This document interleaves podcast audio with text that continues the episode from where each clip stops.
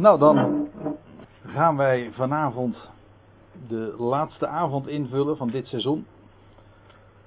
En we waren inmiddels gebleven in hoofdstuk 7 van de Korinthebrief. Daar hebben we het de vorige keer ook al over gehad. De eerste 10, 11, 12 versen. En ik stel voor dat we eerst die versen nog even met elkaar zullen lezen. Hoofdstuk 7, dat is echt een, een hoofdstuk, met recht een hoofdstuk apart. Omdat Paulus in het begin al aangeeft, we zullen het straks ook lezen, dat hij nu, of vanaf dat vers, eh, ingaat op vragen die aan hem gesteld waren, middels een brief kennelijk. En die hij behandelt. En dat gaat allemaal over het huwelijk en dingen die daarmee verband houden. En wat de vragen waren, dat weten we niet. Dat moeten we opmaken uit de antwoorden die hij geeft. Maar het is in totaal een vrij lang hoofdstuk. En dat gaat door tot en met vers 42, als ik me niet vergis. Het is misschien wel even handig als ik zelf ook het Bijbelgedeelte voor me neem. Nee, vers 40. Een lang hoofdstuk. En dan in hoofdstuk 8, dan begint Paulus weer met een andere vraag die hem ook was voorgelegd. Waarmee ik dus heb aangetoond, denk ik, dat hoofdstuk 7 een, inderdaad qua, hoofd, uh, qua indeling van hoofdstukken heel terecht is. Het is een afgesloten geheel. Nou, laten we het nog even lezen wat we hebben besproken. En ik zal trouwens daarbij ook nog even wijzen op een paar woorden die ik cursief schuin gedrukt heb weergegeven. Dat is dan een kleine aanpassing op de NBG-tekst. In vers 1 daar schrijft hij dus dit. Wat nu de punten betreft waarover gij mij geschreven hebt, het is goed voor een mens niet aan een vrouw verbonden te zijn. Maar met het oog op de hoererijen laat ieder zijn eigen vrouw hebben en ieder haar eigen man. De man komen jegens de vrouw zijn echtelijke verplichtingen na en evenzo de vrouw jegens haar man. De vrouw heeft niet zelf over haar lichaam te beschikken, doch haar man. En eveneens heeft de man niet zelf over zijn lichaam te beschikken, doch zijn vrouw. Onthoud dat elkaar niet, tenzij met onderling goedvinden.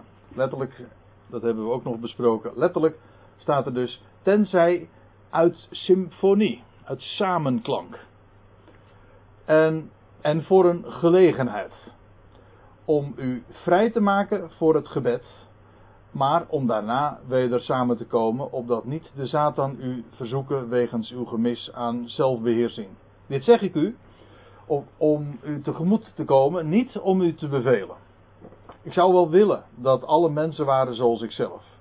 Doch iedereen heeft van God zijn eigen of zijn bijzondere charisma, genadegave. De een deze, de ander die. Maar tot de ongehuwde en de weduwe zeg ik: het is goed voor hen indien zij blijven zoals ik. Indien zij zich echter niet beheersen, laten ze dan trouwen.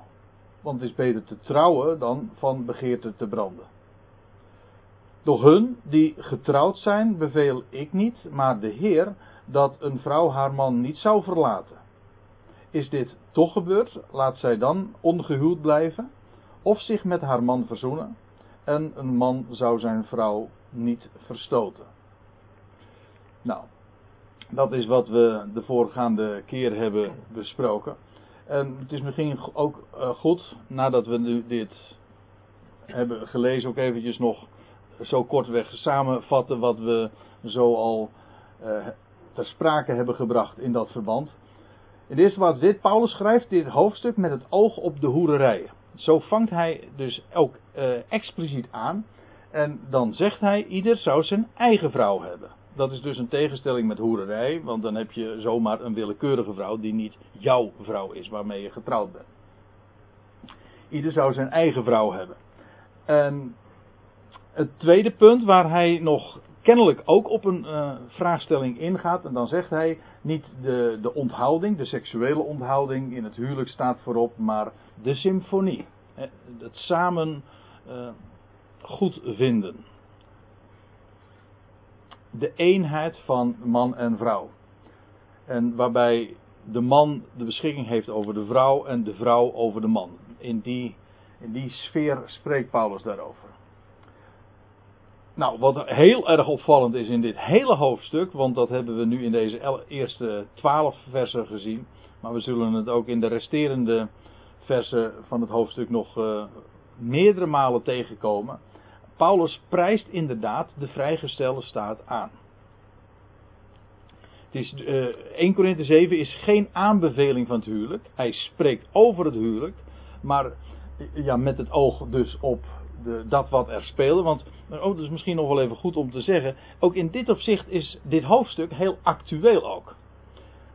Namelijk, hij schrijft dit met het oog op de hoererijen. En al, uh, al meerdere malen hebben we met elkaar overwogen dat die, dat die plaats Korinthe een heel losbandige stad was. Losbandig in de meest letterlijke zin van het woord. Dat wil zeggen, men kende, eh, de, de, als het gaat om seksualiteit, men kende geen band. De huwelijksband, dat telde helemaal niet. Iedereen deed het maar met iedereen. En dat is wat losbandig eigenlijk ook is. Maar ik durf te zeggen dat wat toen in Korinthe speelde, wat daar in die samenleving heel normaal was, in zo'n wereld leven wij natuurlijk net zo. Het is volstrekt losbandig geworden. Ik weet wel, uh, je zou kunnen verdedigen dat dat altijd wel uh, geroepen is dat er zoveel losbandigheid is. Maar het is nu echt ook zo dat het huwelijk uh, volstrekt een gedevalueerd, gedevalueerde samenlevingsvorm is. En als men al getrouwd is, dan zegt dat ook niet zo heel veel, want hoeveel echtscheidingen zijn er ook niet. En uh, vandaar ook dat mensen de logische conclusie hebben getrokken. Ja, waarom zou je eigenlijk ook trouwen? Het is veel makkelijker om gewoon uh, ongehuwd te, te, zijn en ongehuwd samen te wonen. Waarbij je dus niet gebonden bent aan de ander, maar de ander weer kan inwisselen als, het je, als de relatie je niet meer aanstaat. Nou, dat zijn dus eigenlijk Corinthische toestanden die gewoon nu bonton zijn in de, in de westerse voorheen zogeheten christelijke samenleving. In, om nog even terug te komen op dat derde punt. Uh, Paulus prijst de vrijgezelle staat aan. Dat wil zeggen, hij zegt: Ik zou willen dat jullie allemaal waren zoals ik. Maar uh, hij voegt er altijd wel meteen aan toe. maar ieder heeft zijn eigen genadegaven.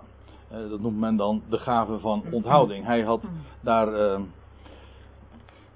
nou ja, ik weet niet wat ik daar verder nog over moet, moet zeggen. Maar het was in ieder geval duidelijk dat Paulus hier zeer gelukkig ook in was. En we hebben de vorige keer ook overwogen dat in het licht van wat Paulus allemaal deed in zijn leven en heeft gedaan. En als hij missie zag, dan zou een huwelijk en een gezin ook een enorm blokkade voor hem geweest zijn.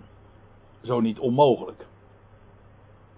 Nou, hij prijst de vrijgezelle staat aan, maar zegt hij dan, eh, het is beter te trouwen dan van begeerte te branden. Dat is ook duidelijk. En hij zegt ook in vers 9. Uh, indien zij, het is goed voor hen, uh, indien zij, zou, zij blijven zoals ik. Maar zegt hij, indien ze zich niet beheersen, nou dat ze dan trouwen. Daar is hij heel laconiek in. Als je die gaven niet hebt, als je niet uh, kunt beheersen, niet je seksueel kunt onthouden, geen punt, dan trouw je. Uh, dat is ook weer de, de, de toon, ook de laconieke toon die Paulus in dit hoofdstuk aanslaat. En je kunt natuurlijk zeggen, ook dat is nog even de vorige keer aan de orde gekomen, dat dit een wat eenzijdige manier is om tegen het huwelijk aan te kijken. Want het is allemaal uh, net alsof seksualiteit de enige reden is waarom een mens getrouwd, getrouwd zou zijn. Dat is natuurlijk niet zo. Je, je zou de prachtige beschrijving in hoofdstuk 5 van Efezebrief eens moeten lezen. Hoe Paulus ook inderdaad de liefde bezingt van man en vrouw. Als een weerspiegeling van de liefde van Christus voor de Ecclesia in onze dagen. Nou, dat dat, daarbij komt in feite de seksuele omgang eh, helemaal niet eens ter sprake. Waarom hier dan wel? Waarom vanuit dit oogpunt? Wel, dat was juist ook de reden waarom hij dit, deze kwestie aansnijdt. Het is met het oog op de hoererijen. En dat is dus een, het, het was een seksueel motief, zeg maar, waarom hij hierover begon. Er waren vragen daarover gekomen. En daar gaat Paulus op in. En dat betekent dus ook dat hij het wat vanuit dat oogpunt, in die zin dus eenzijdig, benadrukt en bespreekt. En dan vers 5, of vers 5 moet je mij horen. Uh, het vijfde punt, uh, dat, is het, dat zijn de laatste twee versen die we hebben besproken. Men zou de huwelijkspartner niet verlaten. Hun die getrouwd zijn, zeg ik, uh, niet ik, maar de Heer, dat een vrouw haar man niet zou verlaten en, een, uh, en vice versa een man uh, zijn vrouw niet. Wat uh, in feite een open deur intrappen is, want dat is precies wat het huwelijk is. Namelijk, je hebt beloofd elkaar trouw te zijn tot de dood je scheidt. Vandaar dat Paulus dat ook zo zegt, als een vanzelfsprekendheid. En wat hij er dan nog bij zegt, mocht dat toch gebeurd zijn, dat kan, dan zou men ongetrouwd zijn. Dat wil zeggen, je hebt je partner, de vrouw heeft haar man verlaten. Nou, dan zou zij uh, ongetrouwd blijven of zich uh, verzoenen met hem. En dat woord verzoenen, dat heb ik ook nog, nog even aan het einde naar voren gebracht. Dat herinner ik me, is een typisch Pauluswoord. Ik bedoel dat zo letterlijk als dat ik het nu ook zeg. Want de uitdrukking verzoenen, of het woord wat daar gebruikt wordt, katalasso of ja, meer varianten daarvan, dat is een Grieks woord. Dat komen we uitsluitend bij de apostel Paulus tegen. Het betekent, het begrip verzoenen betekent uh, twee partijen die van elkaar vervreemd zijn of waarbij vijandschap is, dat die weer één worden. Dat daar weer vrede komt in die relatie. Dat is wat verzoenen is. En Paulus gaat daarvoor. Hij zegt, als jij de ander verlaten hebt, nou, verzoen, blijf ongetrouwd of verzoen je weer met die ander.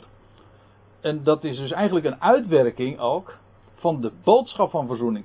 Logischerwijs, als je, als je een God hebt leren kennen, die alle vijandschap, dat, zegt, dat is toch wat hij in zijn woord zegt, die alle vijandschap, ik bedoel echt alle vijandschap, gaat omzetten in vrede, alle vijanden tot vrienden gaat maken. Een God die dus werkelijk vrede maakt. Wel, als wij, in als Hem hebben leren kennen, gaan we in die voetsporen ook verder. En mogen we in diezelfde liefde en vanuit diezelfde verzoening ook wandelen. Dat is logisch. Dat is wat Paulus in Romeinen 12 noemt uw logische eredienst. Dat, uh, dat vloeit daar logischerwijs ook uit voort. En het probleem is natuurlijk altijd wat uh, zich hier aandient. Hoe logisch dit ook mogen zijn. En dan krijg je de vraag van, ja maar hoe zit het nou als je nou niet de ander verlaten hebt, maar de verlaten bent door de ander. Wat dan? Moet je dan ook, onge, moet je dan ook ongetrouwd blijven? Het is mij zo opgevallen, juist ook in de voorbereiding van dit hoofdstuk weer, hoe wettisch men dikwijls uh, redeneert en vragen stelt en daarom ook zulke antwoorden geeft. Mag dat dan wel? Mag dat dan niet? Ik, ik heb het nou ook al een paar keer uh, laten zien, zelfs. De vorige keer heb ik het ook een paar keer ook benadrukt. Uh, dat we in de vertaling dan lezen moet of mogen, terwijl dat in de grondtekst niet gebruikt wordt. Er, er zit de vertalers, of je nou de staat, nee, de statenvertalers nog het minst, maar de NBG-vertalers, de NBV-vertalers helemaal, de modernste, die hebben, eh, die hebben een hele wettische toon aangegeven door uh, van iedere keer van moeten en van niet mogen te spreken, terwijl dat nu juist niet de toon is die de Paulus aanslaat. Paulus zegt, ik beveel u, ik beveel u niet. Nee, als, wel als die, hij zegt wel, het is niet ik ik ben het niet die het zegt, maar het is de Heere die het zegt dat een vrouw haar man niet zou verlaten en een man zijn vrouw niet. Dat is waar, dat is vanaf de beginnen zo geweest. En in wezen, op het moment dat men een huwelijk aangaat, stemt men daar zelf ook mee in. Dus dat is niet meer dan een vaststelling van een feit. Dat is gewoon wat de Heer zelf zegt. En voor de rest, alles wat Paulus daarover zegt, is niet wettisch. Dat als hij hier dit woord verzoenen gebruikt, dat vloeit voort uit de boodschap die hij uitdraagt. Je leeft uit de verzoening. En, je, en door, als je de ander verlaten hebt, dan zou je dus, als dat dan gebeurd is, nou je, waar ben je op uit? Op verzoening. En dus tot die tijd trouw je niet. Waarna natuurlijk de andere vraag. Uh, ja, die ligt. je kan een heleboel vragen bedenken hoor. Bijvoorbeeld de vraag van. Maar wat als dat nou niet meer mogelijk is? Bijvoorbeeld doordat die ander inmiddels hertrouwd is. Hm? Nou, ik ga er nu even lekker nog niet op in. Dat komt eh, later waarschijnlijk nog even ter sprake. Als we het hebben over. Ja, nou nog diverse andere keren. Ik wil gewoon nu bij de tekst zelf blijven. Trouwens, dat wil ik iedere keer. Ik wil de hele tijd. Ik wil niet. Je kan er namelijk een hele. Dat noemen ze in de in de rechtsgang een casuïstiek, trouwens in de godsdienstige wereld spreekt men er ook van. Allerlei gevallen kun je gaan, gaan bedenken. Van ja, maar wat moet je nou, en de Joden zijn er heel erg goed in. In, in, in het bedenken van allemaal situaties, ja, maar hoe moet dat dan in, die, in dat geval? En mag je dan in, in zus situatie dat wel dan doen? doet Paulus hier niet. Paulus gaat, geeft hier antwoorden op vragen en hij spreekt als apostel en van de boodschap van verzoening die hem is toevertrouwd. En dan ligt dit zo voor de hand. Dit is niet een moeten, dit is logisch. geen mens die er logisch over nadenkt, zou hier ook bezwaar tegen in kunnen brengen. Natuurlijk. Er is, er is bonje in, in je relatie. Je hebt de ander verlaten. Nou ken je de boodschap van verzoening. Wat zou je dan doen? Ja, wat zeg je dan? Nou, dan, dan verzoen je je toch met de handen. En tot die tijd dat dat niet gelukt is, nou, dan blijf je ongetrouwd. Dat is wat Paulus hier naar voren brengt. Goed. En dit, eigenlijk was dit alleen nog maar inleiding. Dat wil zeggen. een paar overzicht, maar tot de overige. En wat zou er overblijven? Nou ja, het, het, het, suggereert dat er maar weinig overblijft na dat vorige stukje wat je net maar Nou, ja, het ja. Uh, nou, het is, als je het even leest, kijk in vers 10, dan staat er, uh, hun die uh, getrouwd zijn en, nee, wacht even, uh, in vers 8, pardon. Maar tot de ongehuwde en de weduwe zeg ik, het is goed voor hen, nou ja, enzovoort. En dan hier in vers 12, maar tot de overige zeg ik, dus de getrouwden. En vers 10 en 11 gaat dan weer over de situatie van iemand die gescheiden is van haar man. En wat zij dan zou, zou doen. Tot de overigen, dat wil zeggen de, niet, de, de getrouwden dus. En dan zegt hij, tot de overige zeg ik, niet de Heer. De tegenstelling is dus hiervan in vers 10 zei hij, dan beveel ik niet, maar de Heer. Het is de Heer zelf die dat woord heel met grote nadruk zo heeft gegeven. En, maar nu zegt Paulus, de woorden die ik nu doorgeef, beroep ik, daarvoor beroep ik mij niet op wat de Heer gesproken heeft of wat in de schriften staat, maar dat zeg ik. Heel uitdrukkelijk dus. In vers 6 zei hij niet om u te bevelen. In vers 40 zegt hij ook nog zoiets. Naar mijn mening. En dan voegt hij er nog aan toe. Dit is inmiddels eh, dan helemaal het laatste vers. Dan zegt hij: Toch is zij naar mijn, naar mijn mening, naar mijn opinie of naar mijn inzicht gelukkiger indien zij blijft zoals ze is. En dan voegt hij er naartoe. En ik meen ook de geest Gods te hebben. Dat wil zeggen, hij was zelf een apostel, geleid door Gods geest. Uit dien hoofde spreekt hij uh, zich ook uit en pent hij dit ook neer, om zo te zeggen. Geïnspireerd, dat wel, maar Paulus zegt zelf: het is, ik ben het die dit zeg.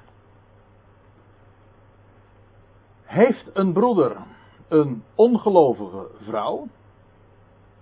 Let wel, er staat hier: uh, heeft hij een ongelovige vrouw? Niet uh, kiest hij een ongelovige vrouw, want dat is niet normaal. Ja, ik weet dat ik misschien hiermee ook uh, wat omstreden dingen zeg, maar eigenlijk is dat ook de hele suggestie van nou, de komende verse ook. Van, ja, dat is een, als je inderdaad een huwelijk, als er sprake is van een huwelijk waarbij de een gelovig is en de ander niet gelovig, dat is, levert spanning op, automatisch. Dat bedoel ik ook helemaal niet wettisch, het is gewoon een vaststelling. Dat zijn, eh, dat zijn zulke enorme verschillen. Ja, als het meest wezenlijke van je leven, als je dat niet kan delen met degene met wie je het huis deelt, de slaapkamer deelt, met wie je alles deelt, ja, dan heb je dat, dat gaat wrijven. En in het verleden was ik daar zelf eh, niet zo heel erg goed van, eh, van, van doordrongen. Ehm, ja, haalde ik een beetje mijn schouder erover op. En ik, ik bracht het altijd een beetje in verband met eh, het kerkelijke gezegde van eh, twee geloven op één kussen, daar slaapt, de duivel tussen.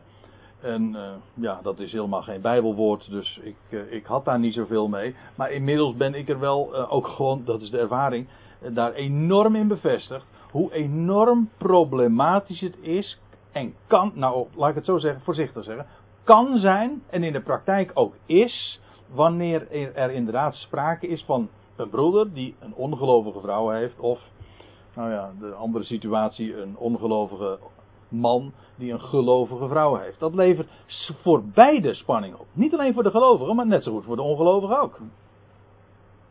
En ik ga, terwijl ik hier spreek, heb ik eh, diverse situaties zomaar in, in gedachten. En eh, die dat, eh, en ik zou daar zo mensen kunnen, hier naar voren kunnen halen. Ja, niet die hier zitten bedoel ik, maar gewoon in het algemeen. Eh, die, zouden, die zouden het duizendkoppig uit eigen hoogst persoonlijke ervaring kunnen bevestigen. Ja, dat is heel moeilijk. Daar kies je niet voor. Dat doe je niet. Maar de, Paulus heeft het hier ook niet over een keuze, maar over gegeven. Heeft een broeder een ongelovige vrouw? Dat kan. Ik bedoel, de een is eh, gelovig geworden en de ander niet. Nou, dan heb je een situatie van geloof en ongeloof in, in een huwelijk. Nou, als dat dan de situatie is, heeft een broeder een ongelovige vrouw, eh, die erin bewilligt, geen problemen ermee heeft met hem samen te wonen. Ik moet altijd een beetje eh, lachen als ik dat eh, woord eh, hoor, want bij ons heeft dat natuurlijk een dubbele betekenis gekregen, samenwonen. Want wij bedoelen er meestal mee ongehuwd samenwonen, maar het gaat hier natuurlijk over gehuwd samenwonen. Eh, die erin bewilligt met hem samen te wonen, dan moet hij haar niet verstoten. Hé, hey, heb je hem weer. Hier ook. Let him eh, eh, believing not. Dus laat hem niet verlaten. Hè? Staat ook in de Statenvertaling, hè? Laat hem. Ja, dat zei je. Oh, dat zij, ja. Aanvoegende wijze heet dat, hè? Ja, maar in ieder geval niet. ehm, hoe noemen ze dat? Aanvoegende en. Beve eh, ja, eh, inderdaad, bevelend. Maar er is nog een ander woord, maar kom ik even niet zo Dat gauw. hij ze niet verlaten. Sorry? Dat hij ze niet verlaat. Ja, dat hij ze niet verlaten. Maar ik heb nu, dit is volgens mij in, in dit ene hoofdstuk al, al vier of vijfde keer, pak me er niet op, dat, we, dat, ik, erop moet, dat ik erop moet wijzen, ja, dan, dan ik voel ik me echt verplicht om erop te wijzen dat dat woord er niet staat. Dat woord roept een sfeer op waarin Paulus het juist niet brengt. Maar de, de zin, de inhoud ervan is duidelijk. Eh, De man die bewilligt erin met hem, eh, eh, heeft een broeder, een ongelovige vrouw, die erin bewilligt, die vrouw dus, met hem samen te wonen. Nou, laat hij haar dan niet verstoten. Hij zou niet het initiatief nemen eh, om haar te verlaten of om haar, eh, zoals hier staat, te. Ja, het staat trouwens niet inderdaad te verstoten, maar dat hij eh, haar niet verlaten om die reden. Dat is wat hij zegt. Wat ook, ook in dit geval is dat weer logisch. Maar de reden die Paulus daarvoor heeft, die, die gaat hij nog opsommen. Dus ik wil niet op de, daarop vooruitlopen. Laten we het even verder lezen. En een vrouw moet, daar hebben we hem weer. Laat, en laat een vrouw, als zij een ongelovige man heeft, dus dezelfde situatie, maar dan van de vrouwelijke kant bekeken. En deze erin bewilligt, de man dus, met haar samen te wonen. Wel, die man niet verstoten. Die vrouw laat, laat die, de man dan niet verstoten. Of ook hier weer, laat hij, pardon, laat zij hem niet verlaten. Om die reden, omdat zij gelovig is. Want je, natuurlijk zou je daar wel een goede reden voor kunnen bedenken. Zeg van ja, hoor eens eventjes, het allerbelangrijkste in mijn leven nu, dat ontbreekt bij hem. Wat, eh, wat, wat delen we eigenlijk nog meer dan alleen maar de inboedel? En misschien de kinderen. Nou ja, dat vind ik trouwens, dat is een heel belangrijk ding. Delen je niet. Hm? Kinderen delen je niet. Nou ja, je hebt ze in ieder geval samen. Dat wel. Ja. Ja.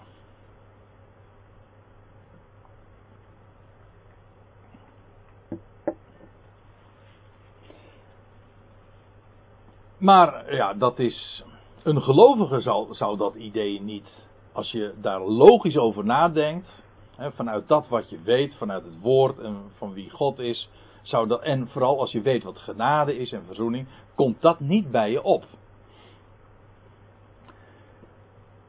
Maar goed, de ander zou dat kunnen. Want daar gaat hij. eh, want daar gaat hij straks ook nog op in. Eerst nog eventjes dit. Dat is, he- dat is wel mooi.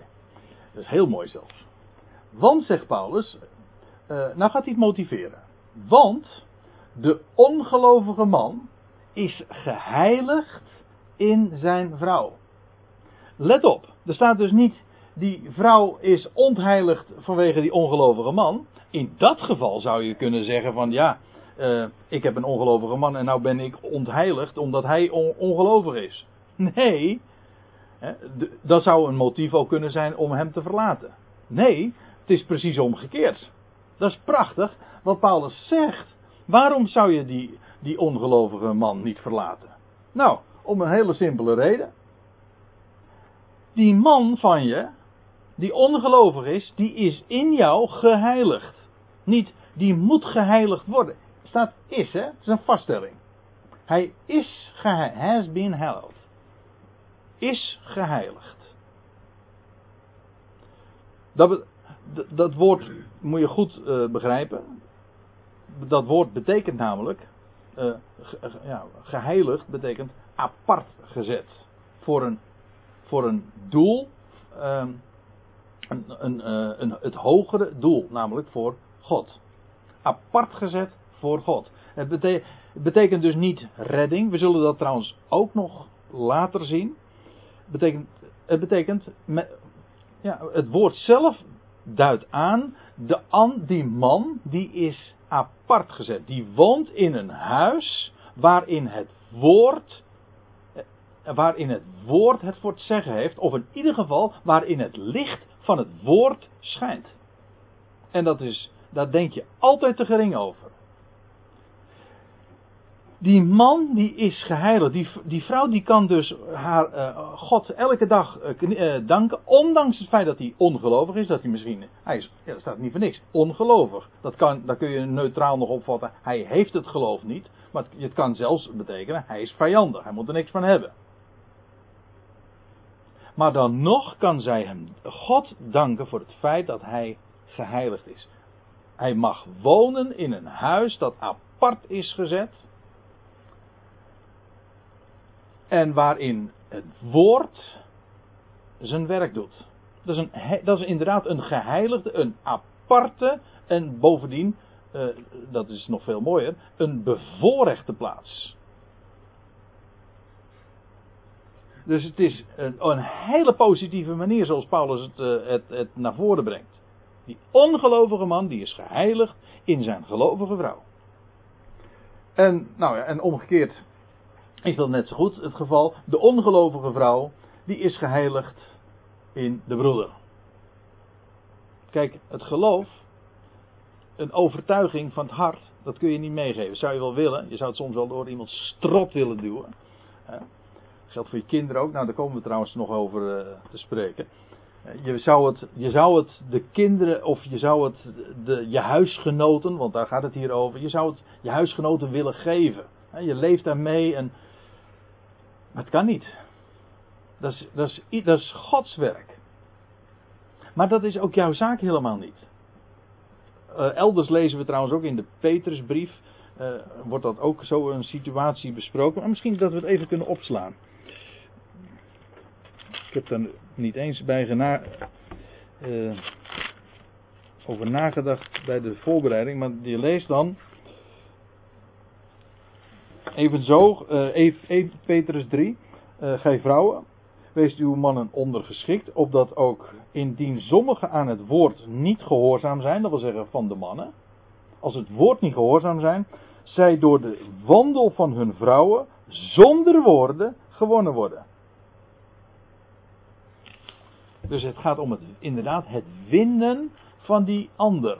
En dan nog zonder woorden, zonder, laat staan, zonder, eh, laat staan met, met pressiemiddelen. Die, dat is helemaal niet aan de orde. Dank, kijk, en dat is het mooie van leven uit genade. God is het die het doet.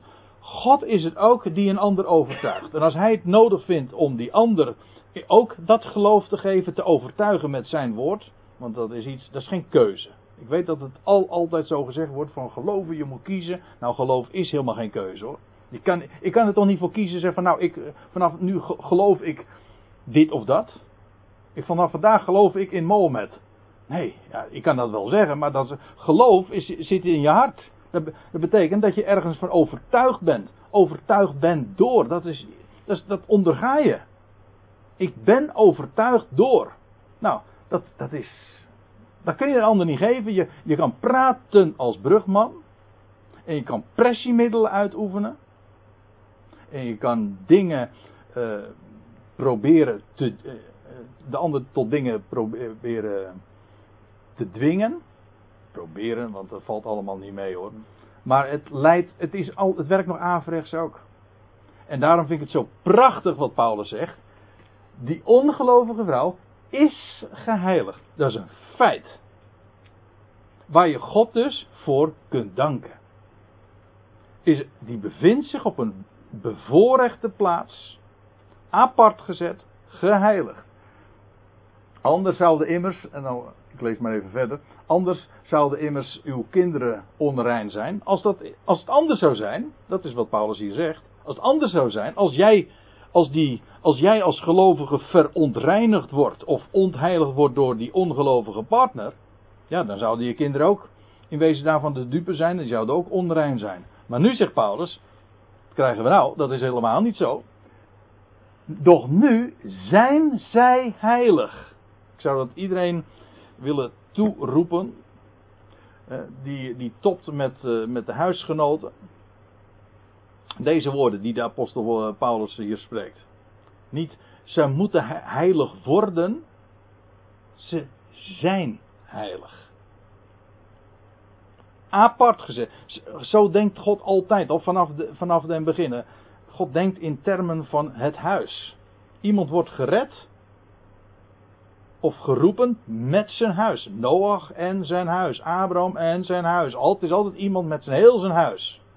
Rahab met heel haar huis. Alles, heel haar toebehoren. Alles wat tot haar huis behoorde, dat heeft God op het oog. En dat, ik heb er trouwens nog een heel mooi voorbeeld van. En ik geloof dat ik hem hier ook heb staan. Ja. Genesis. Ja, onrein staat dus tegenover heilig. Ja. Waarmee? Rein is eigenlijk heilig. Ja, dat kun je ook zeggen. Ja. Ja, dat is een, uh, een ijzeren conclusie, ja. Ja, dat, dat woord uh, heilig zelf, uh, agia, dat, dat heeft inderdaad te maken, dat wordt bijvoorbeeld ook gebruikt in verband met de tempel. De tempel is heilig, dat wil zeggen, is apart gezet, maar met het oog op God. En dat is wat heilig is. Maar door die tegenstelling met onrein, kun je dus inderdaad ook zeggen, heilig is rein. Dus dat betekent dat het woord heilig domweg te vertalen is met apart gezet. Nog iets meer. apart gezet voor God. Apart gezet voor God. Ja. Maar ja, dat Ja. had je de afgoden, ja, dan was het ook natuurlijk apart gezet voor eh, de goden. Ja. Dan had je ook heilige voorwerpen. Als je heilige voorwerpen, dingen die geheiligd zijn. En in die zin wordt het dus ook altijd gebruikt. In, in het Hebreeuws, ik ben- Kodesh heeft ook die betekenis van echt ap- iets wat heilig is, dat heeft een, is apart gezet. Een afzonderlijke plaats, dus in die zin afzon, afzondering. Niet zozeer afgezonderd van, maar gewoon afgezonderd tot. In positieve zin dus. Ze zijn rein. Ja, en rein. En eh, dan komt nog een ander vers in mijn eh, gedachten. Zo. Ter plekke. Wat je leest van de Heer Jezus in Johannes 13. Gij zijt rein. Waarom? Om het woord dat ik tot u gesproken heb. Over dat woord dat, en de kracht daarvan, daar denken we altijd te beperkt. En ook dat, dat onderwaarderen we per definitie. Het woord is krachtig. En ga daar gewoon op staan. Dat geeft je ook heel veel rust, dat kan ik je verzekeren. En weet dan dit: als je het woord spreekt en je dankt God, niet die ander gaan bepreken, maar jij mag leven uit dat woord en die ander ziet dat, die mag zo af en toe daar wat van horen, zonder enige dwang. Daar gaat een zo'n geweldige werking van uit. Dat woord, Jezaja's 55 staat dat. Daarvan staat, het keert nooit ledig tot hem weer. Vertrouw daar gewoon op. Kijk, dat, is, dat zit allemaal opgesloten toch in dat begrip heilig en daarmee dus ook rein. Dus de werking van het woord. En dat, die verwijzing hier in Genesis 39, dat gaat over. Nou, misschien kunnen we het even opzoeken. Het verband is misschien wat afwijkend van waar we het nu over hebben. Maar het gaat me even om, om het principe in Genesis 39 van Potifar. Daar lees je van Jozef. Ik ga nu even helemaal voorbij aan de geweldige typologische betekenissen. Maar dan lees je in vers 5 van het ogenblik af dat hij, Potifar, hem, Jozef, over zijn huis en over al wat hij bezat had aangesteld, zegende de Heere het huis van de Egyptenaar om Jozefs wil. De zegen des Heeren rustte op alles wat hij had, zowel in het huis als op het veld. Dus dat hele huis, wat niks. Ik vraag me überhaupt af of ze eh, wat ze eh, geweten hebben en wat Jozef daarvan vrijgegeven heeft. En ongetwijfeld, eh, dat hou je niet voor je.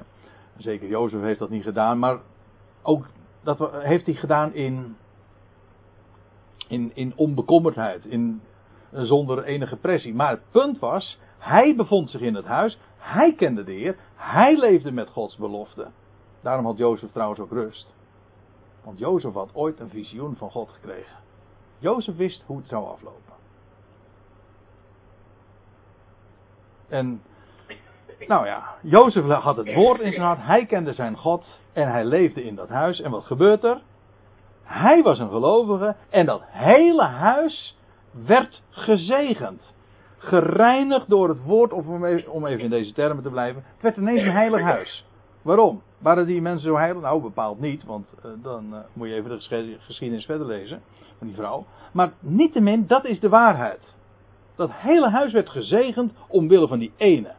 En dat is ook prachtige wat hier in vers 14 naar voren gebracht wordt over die ene gelovige man. Nou ja, je zou kunnen zeggen, dat is de heer des huizes. Hè? Die, is, die, voert, de- die zwaait de scepter daar, of in ieder geval die wordt geacht daar het hoofd te zijn. Oké, maar het geldt net zo goed voor die vrouw. Die als enige gelovige in dat huis is. Jawel, maar ze kent het woord. Ze gelooft. Ze heeft het woord. Ze kent het evangelie. Nou, dat betekent dat het hele huis gezegend wordt. Niet dat zij dat moet doen. Er staat helemaal niet van. eh, anders zouden, zij, anders zouden uw kinderen onrein zijn. En, maar nu zijn zij heilig. Er staat niet. Maar nu moeten, ze, moeten zij geheiligd worden. Of behoren zij geheiligd. Staat er niet. Ze zijn het. Dat is hun identiteit. Ik heb het mezelf ook aangewend als, eh, als vader. En eh, als hoofd van het huis, zeg maar. Om als je, als je God dankt. ook dat elke dag te vermelden. We zijn apart gezet. We zijn een huis dat mag, het evangelie mag kennen. En wat, ze, wat hun houding is. Ach, eh, laten we nou wel wezen. Pubers die hebben soms hele andere interesse. Maakt me geen bal uit. Ze zijn heilig. Daar dank ik God voor. En het woord doet zijn werk dan. En ik, je hoeft je kinderen ook niet iets op te leggen. Ik hoef ze alleen maar te herinneren wie ze zijn. Namelijk geheiligd. Dat is, dat, is, geen wet, dat is identiteit.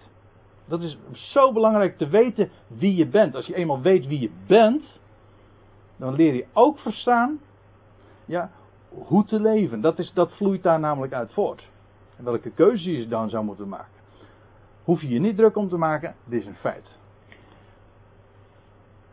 Zij zijn heilig. Dat is de waarheid. Ik stel voor dat we het hier even belaten. Dan gaan we straks bij vers 15 weer verder.